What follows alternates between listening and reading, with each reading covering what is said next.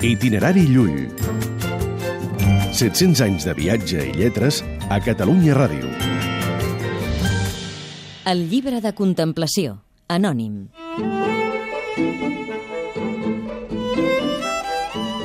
La primera gran obra de Llull és un llibre fora de tota mesura.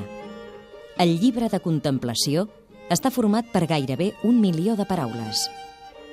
No hi ha en català, ni tampoc en altres llengües, cap obra que se li pugui assimilar.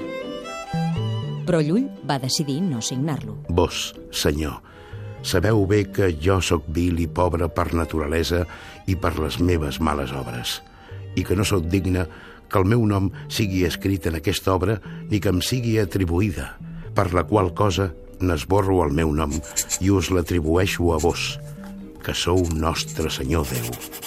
A causa d'un atac d'humilitat del seu autor, una obra tan extraordinària com el llibre de contemplació va circular de forma anònima. Itinerari Llull.